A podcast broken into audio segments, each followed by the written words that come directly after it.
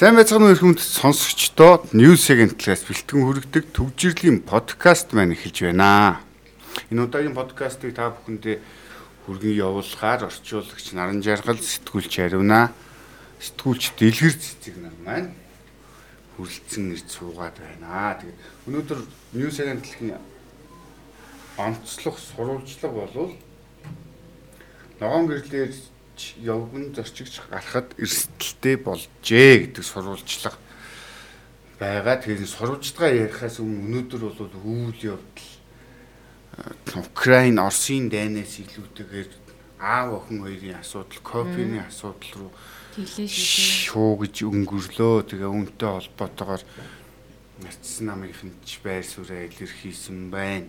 Гэгчтэн үйл явдал бол ариун даллаа өдөр болж байна автобусны шин чиглэл гарлаа. Тэгээд өөр олон бүдээ материалыг та бүхэнтэйгээ ярих болноо. Энэ сурвалжлага бол ингээд гарчийг нь сонслоо ногоон гэрлээс жоохон засч гарахад эрсдэлтэй болжээ. Гэт Монгол бүр нэг юм хил зүг байгаа даа шүү дээ. Аха. Олуулаа бол улаан гэрлээч хамаагүй алах ганцаараа болвол ногоон гэрчлээч хамаагүй бити яваа. Дайруулах эрсдэлтэй, дайруулахгүй эрсдэлтэй. Тайлбарлаад байгаа. Энэ зураг дээр одоо жишээ нь энэ бол төвшүүдэнгийн хажуудлын уулзар байгаа гэн тий.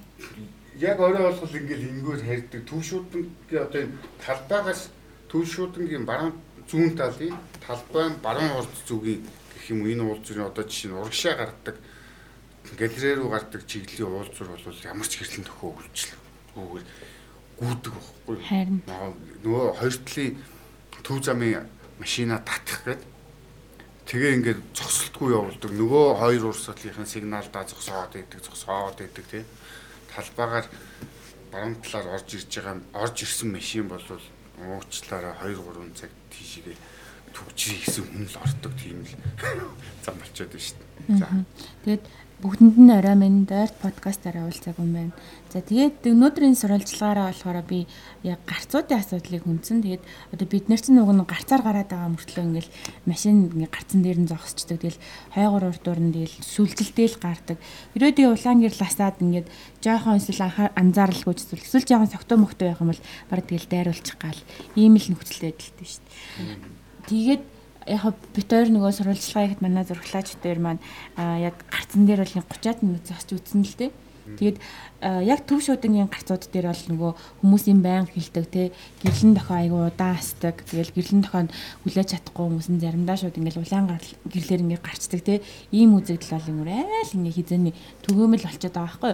Тэгээд би өөрөө яг ажиглалт хийгээд яг ингээд гэрлэн дохоо хүлээгээд үзэхэд За нэг дор хаяж нэг 5-аас нэг 8 минут болж байгаа байхгүй юу. Тэгээд яг тэр хооронд чинь зарим нь болол ингээл гүүгээл гарна, зарим нь бол амжих нэг нь амжина. Тэгээд бүр амжихгүйнүүд нь болохоор бүр хаа болоос тэр зам маа харсан ч юм байхгүй. За эсвэл гэлэн төхөнд амжчихгээл ингээл гүүгээл гарчихсан. Автобус автобусны урд. Тэгээд яг ингээл хэрэв цагтаа байхгүй байсан бол тэгэл ерөнхийдөө бол ингээл энэ айгу осол гарах ер нь нөхцөл болоод байгаа байхгүй. Тэгээ хамгийн харамсалтай нас нөгөө хичээлийн шинжилгээг эхэлсэн штэ саяхан. Гэтэл яг энэ гарцан дээр өглөө 7:25-д нэг хүүхэд мөргүүлсэн байлээ.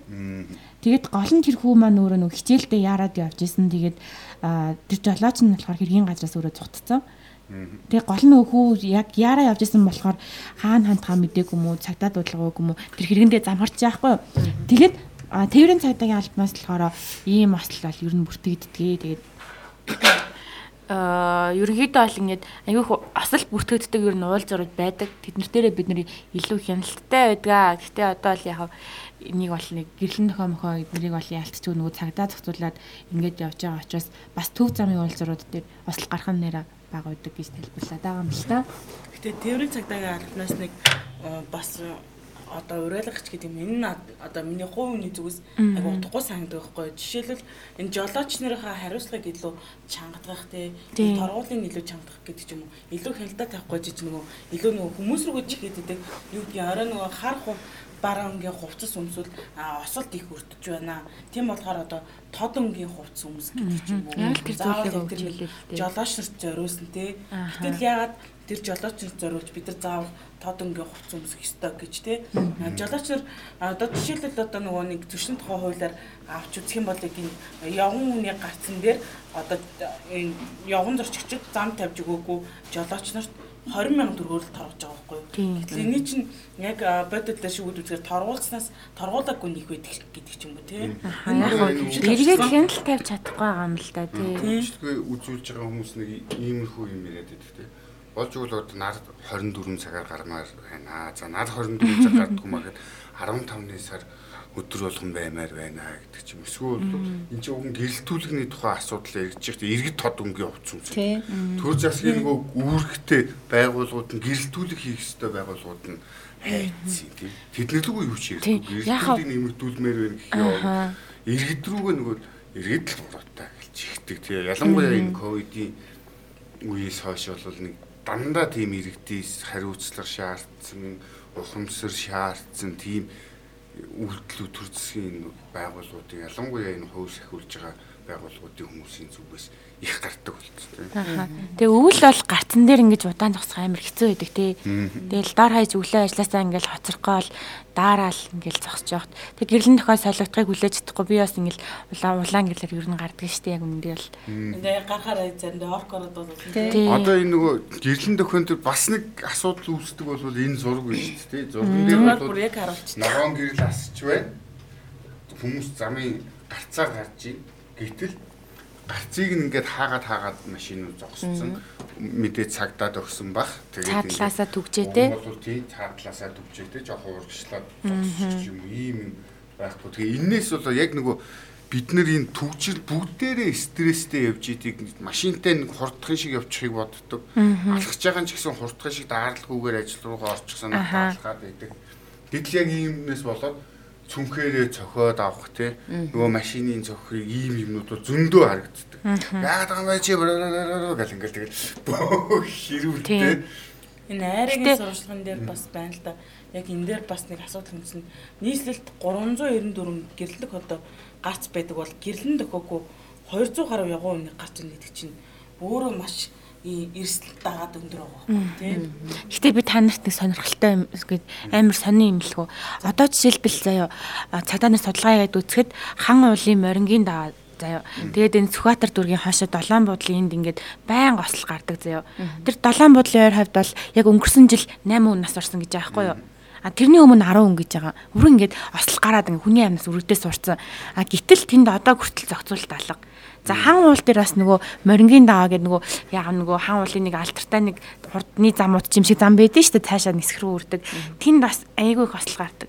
Тэгээ хүмүүс нь цагдаагийн газраас ч гэсэн за энэ газруудаа одоо нөгөө гүүрэн гарц хийгээд өгөөч ээ гэл ингээл олон жил яригдсан төсөв санхүү байхгүй. Тэгээ нийслэлийн авт замын хөгжлийн газар яг яадаг ч гэсэндээ дээшээ тэгж төсөв мөсөө баталдаг зүйл байхгүй.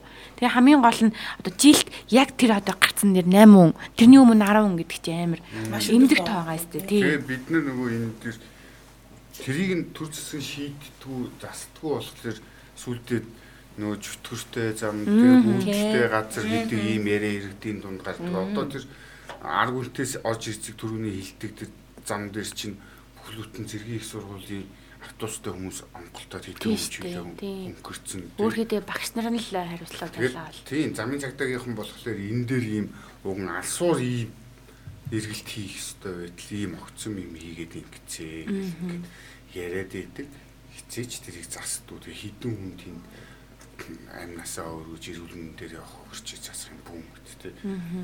Захин биш ухаалаг засагтай баймаар байгаа байхгүй юу? Бид нар тийм асуудлыг шийдчихдэг проблемыг бодлогын төвшөнд бас яригддаг тий. За тиймэрхүү байна да миний сурвалжлага. За та бүхэн тэгээд энэ сурвалжлагыг ногоон гэрлэрч явган зорчигч гарахад эрсдэлтэй болжээ гэд. Аль болох бид нар уган бол автобусанд сууж төгжрлээс залхсандаа машин барих гуу хичээж те ингээд ийдэг. Тийм болохоор энэ зохицуултыг бас сайн хийгээсэй лээ. Тийм.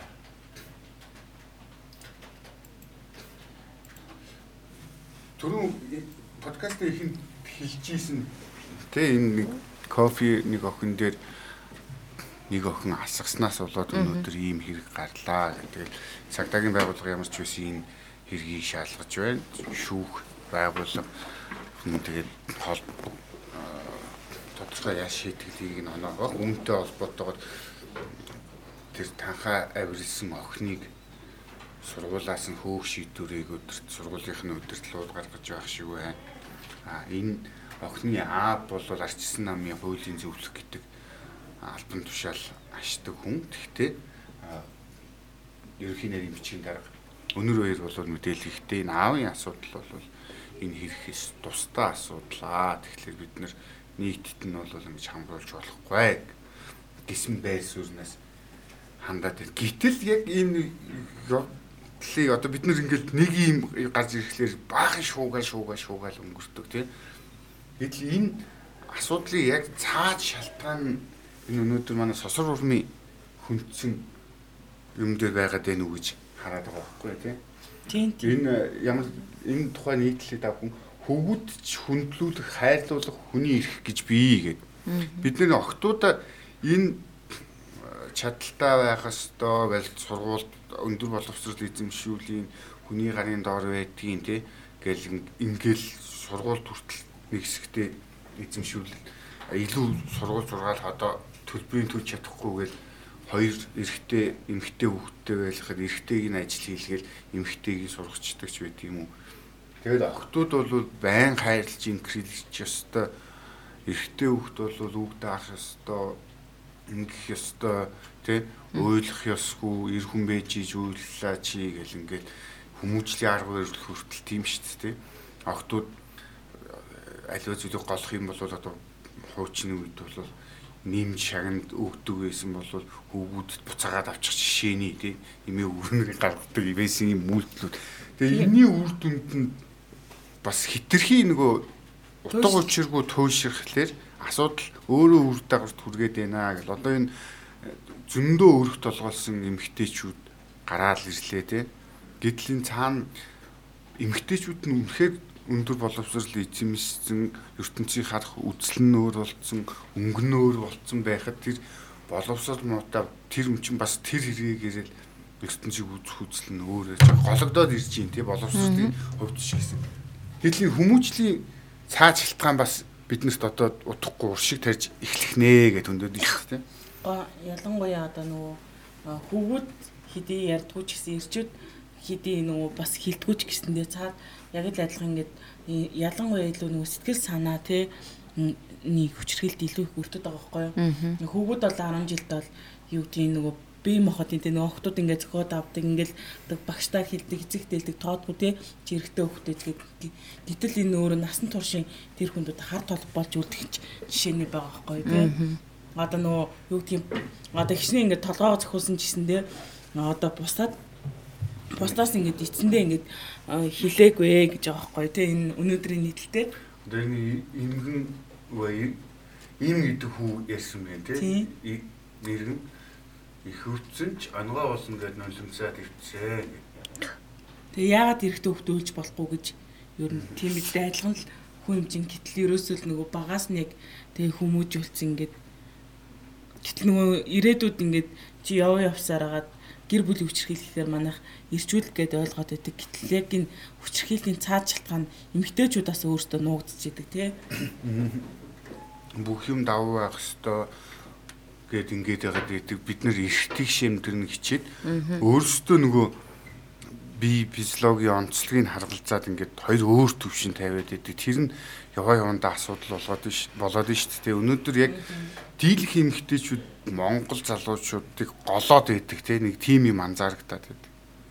Голоход зүгээр харахгүй тэр чи өөрөө сайн боловсрал эзэмшсэн дунд төвшний альбан тушаалтай тэ орлогын үед ч гэсэн боломжийн болцсон ийм хүмүүс нөгөө боловсралгүй бүдүүлэгдүү тийм залуучуудыг мэдээж хин тоохоо. Бид нар ч гэсэн одоо хүүхдээрээ бодох юм бол тийм залуутай охноос суулгахыг хүсвүү хүсэхгүй юу гэх тээ.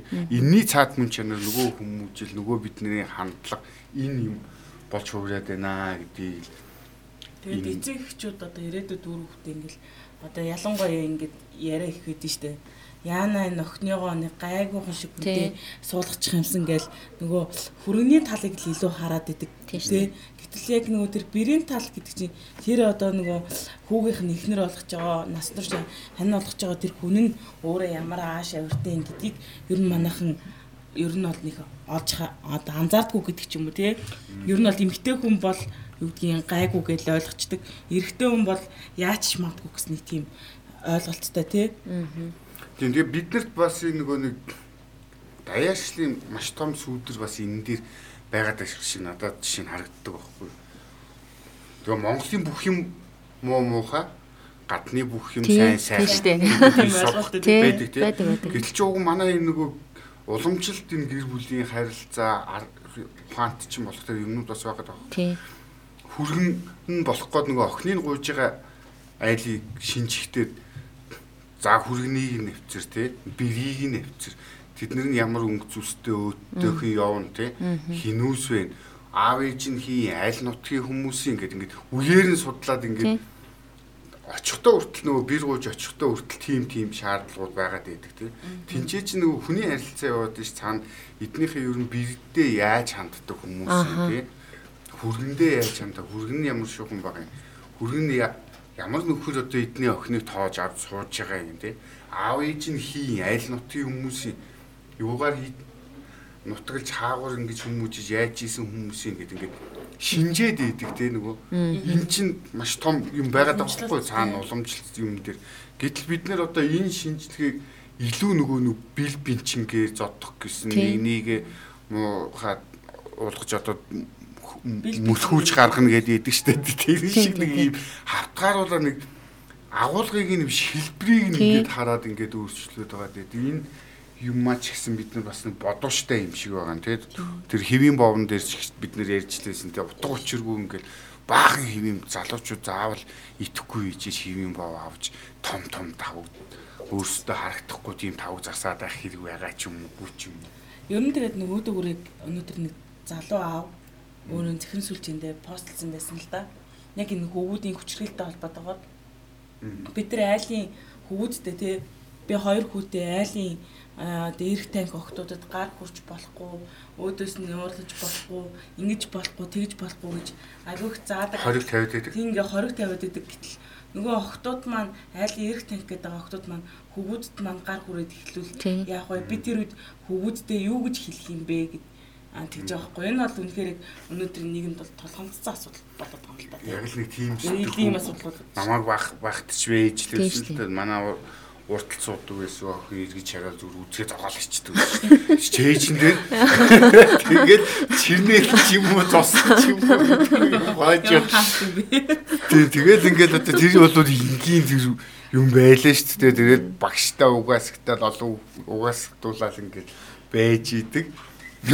Тэгээд нэг юм мэдээж өөр өөр онцлогтой өөр өөр бүх юмараа өөр ээж болно. Гэтэ бид нар чинь соёлт нийгэм байгуулах гэж байгаа бас энэ дээрээ анхаармаар юм шиг байна тийм. Нөгөө одоо цэцэрлэг дээр хичээл манай нөхөр айлын охин зодсон гинэ гэл ингээл бөө хил ам болоод явуулчихад тэгсэн нөгөө охин базаар ингээ хомсдол цаараа бацаад ураа хийцэн хацрыг ингээд тэгээ бацчаа тавихгүй ангууд камер шүүсэн нөгөө нөхөр чинь түлхэж байгаа байхгүй өөрөө тэгээд унтсан. Тэгэл аав ээж нөгөө охтууд одоо тэгээд тэр яаж шийдэх юм тэгээ хамгийн эцсийн бүлэгтөөсгийн зүгээр хийжсэн багш тэр хоёрыг харсангүй болоод ингээ бороод дуусчих жишээ бид нар тэгэхээр бас их асуудал байх шиг байгаамаа тэгээд өөрсдөө дотлогшоогоо их өнгийвэл асуудлыг арай илүү хялбараар шийдэх юм шиг харагдаад байгаа юм тий. Тийм өнөөдөр тэгээ би бас нөгөө NRCC үндэсний судалгаа зөвлөгөөний төвийн захирал эдийн засгч алтан цэцэгтэй ярилцсан байгаа. Халамжийг гэрс хомохвэ гэхээс болгоомжч юм ингээд. Яг энэ хүн бол яг өнөөгийн манай нийгэмд яг тулгамдаад байгаа асуудлыг бол олон талаас нь хөндөж ярилцсан. Ялангуяа ингээд сүлээд хүмүүс а тий одоо явган хүний гэлэн дохоо эвдрэх юм болгон дээр ингээд төр оролцооч төр ажиллая гэж гэдэг гэтэл төр тэрийг харчаад сошиалыг дагаад гэдэг ч юм уу. Одоо ингээл юм болгонд ингээ гар дүрээд байгаа нь эсрэгээр эн чинь өөрөө ардчлалыг илүү их хумж байгаамаа илүү их бид нэр эрх чөдөөгөө хязгаарлуулж байгаа.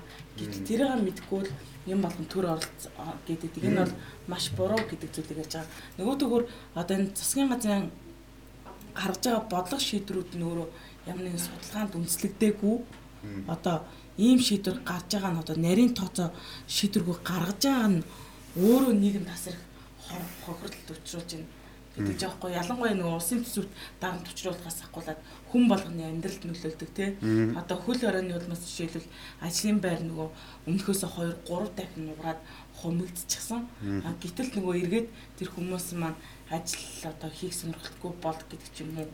Нөгөөдөөр бас тэр халамжийг одоо хит их нийтийн болгох болгож одоо зорилтод бүлэгт нь хүрэхгүй болсноос эхлээд нөгөө одоо залуу үедээ яг дөрвөн чинь эрүүс харуул ажиллах боломжтой залуус нь одоо ажиллах сонирхолтой болчихсон. Одоо жишээ нь одоо хүүхдийн мөнгө гэдэг ч юм уу те хүн болгонд одоо нөгөө ингээл 300 мянган төгрөг гэдэг ч юм уу те.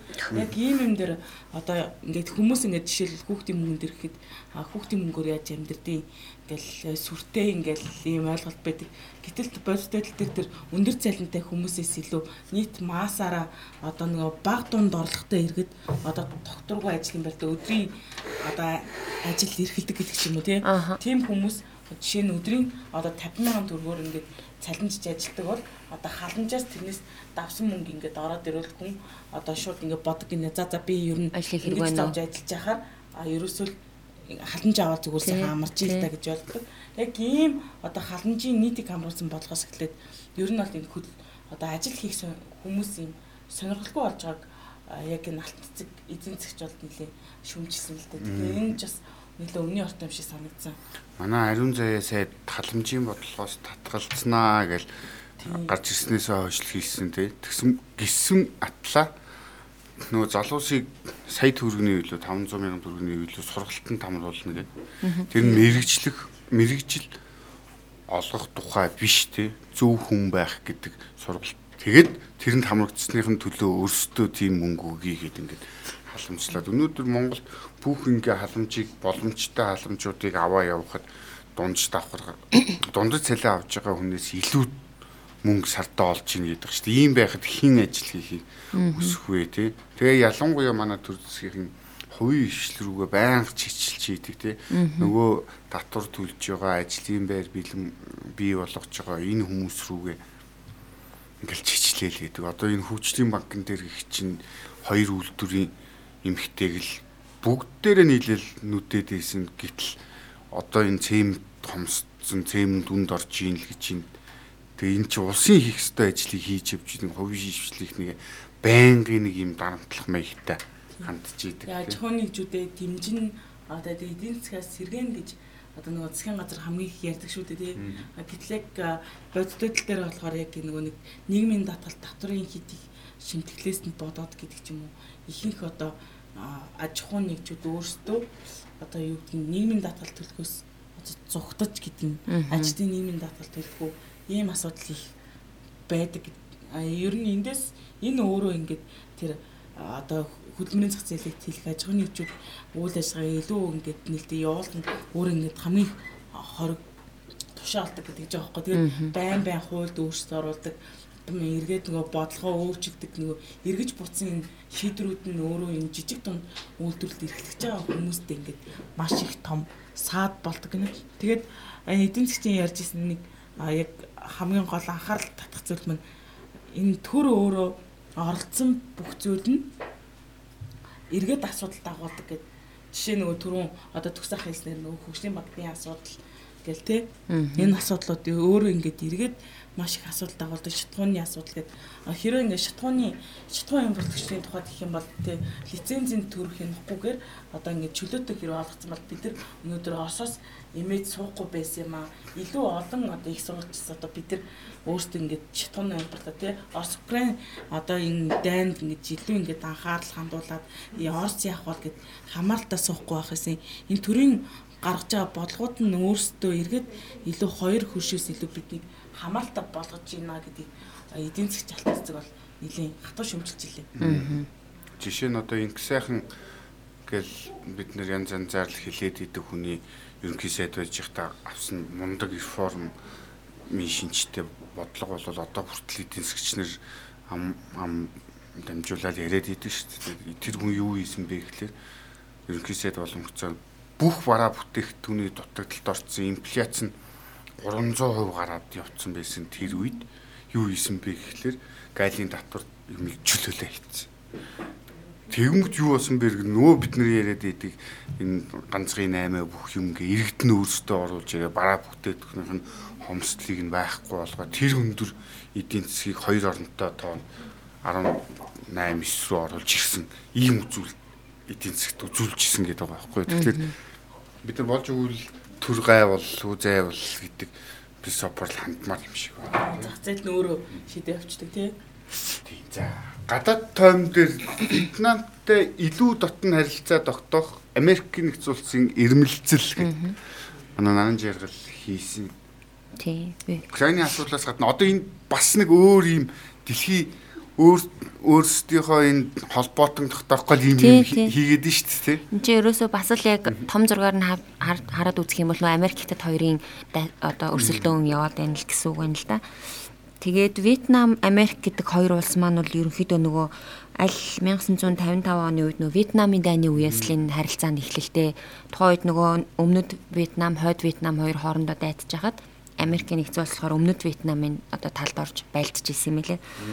Тийм тэгээд энэ ер нь бол одоо энэ үеэс хойш ингээд нэг их дайсагналцсан түүхүүл бас үгүй юм бэлээ. Тийм тэгээд одоо яг нөгөө стратегийн түншлэлийн төвшөнд энэ харилцаагаа хүргэх гээд Америкийн нэгдсэн улс бол ер нь хичээгээд байгаа юм байлээ. Ягаад тэгэхээр хамгийн гол зорилго нь бол нөгөө хятадын тэр хүчний эсрэг Азийн орнуудтай холбоо тогтоох гээд зориод байгаа. За тэгээд энэ зорилгынхаа хүрээнд ер нь бол Вьетнам нилээн одоо чухал ач холбогдолтой байр суурийг нь эзэлсэн улс болчоод явж байгаа юм байлээ. Тэгээд энэ бол яг дөнгөж одоо ингэж хэлчихэд байгаа юм биш. Аль 10 жилийн өмнөөс л бас ингэ харилцаа тогтоох гээд шин төвшөнд хүрэх гээд хүсэлт тавиад ингэж хичээгээд ирсэн юм байлээ. За тэгээд энэ дипломат түншлэл гэж яриад байгаа шүү дээ. Дипломат түншлэл нь энэ Вьетнам улсын хувьд бол ийм гурван төрлийн үндсэн төрөл байд юм байлээ. Энэ эренбэр нь одоо яах юм бол иж бүрэн стратегийн стратегийн иж бүрэн гээд. Тэгээ стратегийн иж бүрэн түншлэлтэй олцгол юм бол ер нь бол одоо хамгийн ойр дотны харилцаатай гэх юм хамгийн л одоо бүх талаараа харилцаатай тийм болчлоо гэсэн үг юм байлээ л дээ. Тийм. Нөгөө гурван тусдаа төвшин яваад байгаа юм. Гурван тусдаа төвшин байгаад байгаа юм. Дипломат төвшин гэдэг. Тэгээ тэрний ахиулсан төвшин нь болохоор стратегийн түншлэл тэгээд стратегиэс ахисан стратегийн иж бүрэн түншлэл. Одоо манайх чинь хятадтай жишээ нь стратегийн иж бүрэн түншлэл. Аха. харилцаанд хүрсэн. Оростой бас тийм байгаа тий. Тэгээд энэ Америк, Вьетнам хоёр ч болохоор одоо хамгийн доод түвшиндээ их юм уу иж бүрэн түншлэл гэдэг дээрээ яваад энийгээ ядаж нөгөө стратегийн түвшин рүүгээ оруулъя гэдэл зориод байгаа юм билээ. Тэгээд энэ Вьетнамд саяны гурван түншлэлээс гадна ахаад тусгай яг стратегийн тусгай харилцаа гэж бас нэг түншлэл байгадаг шүү. За тэгээд нөгөө Нүбийн аюулгүй зөвлөлийн гишүүн гээд 15 орн байгаад байгаа. Тэр 15 дотроо ахаад байнгын гишүүн гээд 5 орн байгаа. Тэгээд Вьетнам улс өөрөө бол энэ байнгын гишүүн 5 оронтой ер нь бол стратегийн түншлэл тогтоох тийм одоо зорилго тавиад явж байна. Тэгээд ер нь бол эндээс яг тэр 5 орноос хятад Орос хоёртой бол стратегийн түншлэлээ тогтоочод явж байгаа. За тэгээд энэ одоо хятад Орос эднээс гадна ер нь нэлээд олон оронтой бол стратегийн түншлэлийн харилцаатай байгаад байдаг. Гэтэл ганцхан ануутай л иж бүрэн түншлэлийн харилцаатай байгаад байгаа учраас энийг одоо дээшлүүлэх нэлээ Америк бол нэр өөрөө нэлээд сонирхолтой. А Вьетнам бол яг ийм харилцаагаа өөр шин төвшөнд гаргана гэсэн яг оролдлого бол одоогоороос гаргаагүй юм билэ. Тэгээд Америкийн нэгцээс одоо энэ стратегийн түншлээ дээшлүүлэх одоо сайжруулах хүрээнд бол маш олон хөрөнгө оруулалтуудыг хийж байна. За тэгээд хөрөнгө оруулалтын хэмжээ гэх юм бол жишээ нь 2020 онд 92.2 тэрбум ам долларын хүрсэн. Энэ нь болохоор одоо энтгэв Вьетнам хоёрын дунд хийсэн худалдаанаас 9 дахин их тоо гэдэг жаа маш их хэмжээний хөрөнгө оруулалт хийж байгаа. Тийм энэ Америк ч өөрөө Вьетнамын 11 дахь том хөрөнгө оруулагч нь гэж байгаа. Тэгэхээр бас их нэг доогуур ордгоо бас гайгүй томоохон хөрөнгө оруулагчтай ороод байгаа юм билэ. Тэгээ хөрөнгө оруулалтын чиглэлээр, батлан хамгаалахын чиглэлээр гэдэг ингээ ер нь бол тал талаас нь бас Америк бас өөрөө дэмжиж бас харилцаагаа ахиулах гал хичээгээд байгаа юм бэлээ. Тийм. Тэгээ энийг бас нэг нэмээ дахиад энэ жил нөгөө ковидтой холбоотойгоороос вакцины ажил дээр нь бас туслах гэх мэт маш олон талаас л бас дэмжиж ажиллаж байгаа юм байна.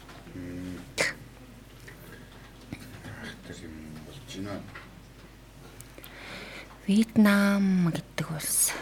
Өнөөдөр тэгээд бас Украины талаар сонирхолтой юмнууд бас орж ирсэн байлээ.